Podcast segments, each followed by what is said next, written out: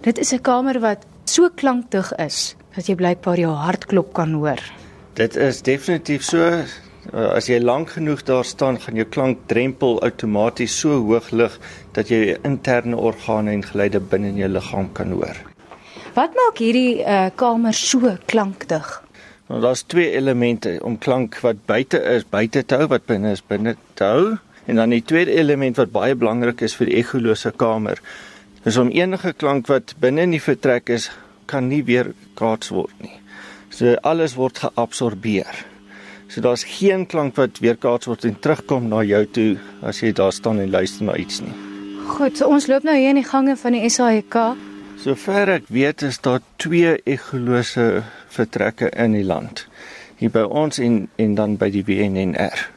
En dit word hoofsaaklik gebruik vir wetenskaplike navorsing en die toets van apparatuur. Hier staan ons nou.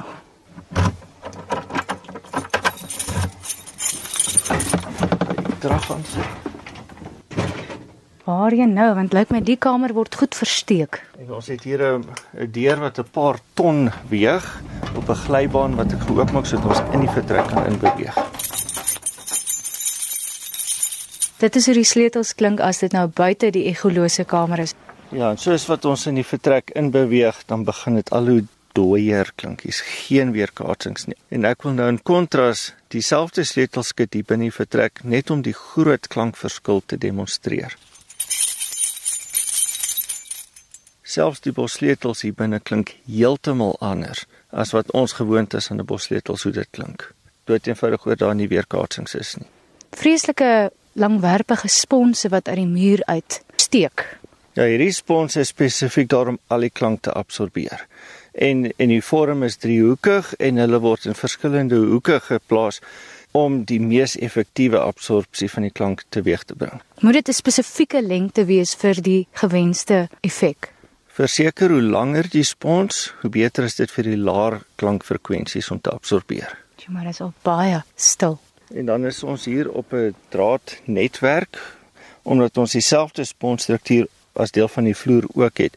So ons is nie direk op die vloer nie, ons is op 'n draadnetwerk waarop ons op oomblik staan. En as jy so afkyk, is dit ook sponse van onder af. Wat ek nou hier sien is 'n vertrek wat heeltemal 360 grade met sponse bedek is om klank te absorbeer. Ja, en verder is hierdie vertrek ook geïsoleer van die res van die gebou. Die hele vertrek hang in die lug. Dit is meganies glad nie gekoppel aan enige ander struktuur nie. So daar kan geen vibrasie of frekwensie van iewers anders af gelei word nie. Glad nie. So as hier 'n vragmotor verbyry en die, daar's 'n groot vibrasie deur die pad, gaan ons nie daarvan weet nie. As daar weerlig is buite en donder weer, ons gaan van niks weet nie. Kom ons ervaar die stilte. Ek wil hoor of ons ons hartklop kan optel. Dit is amper asof die stilte geraas word. Ja, want die, die stilte is so oorweldigend. Ons is glad nie meer gewoond aan die stilte nie. Ons is 'n deel van 'n baie lawaaierige omgewing. Dis altyd 'n hond wat blaf, 'n kind wat skree, 'n kar wat ry, 'n toeter wat blaas. So daar's altyd lawaai. Hoe lank gaan ons omtrent met stil bly om regtig stilte te ervaar? Al om die stilte te ervaar van wat jou interne organe hoor, gaan ons so ten minste 'n uur en 'n half hier moet stil sit geluidloos, nie beweeg nie.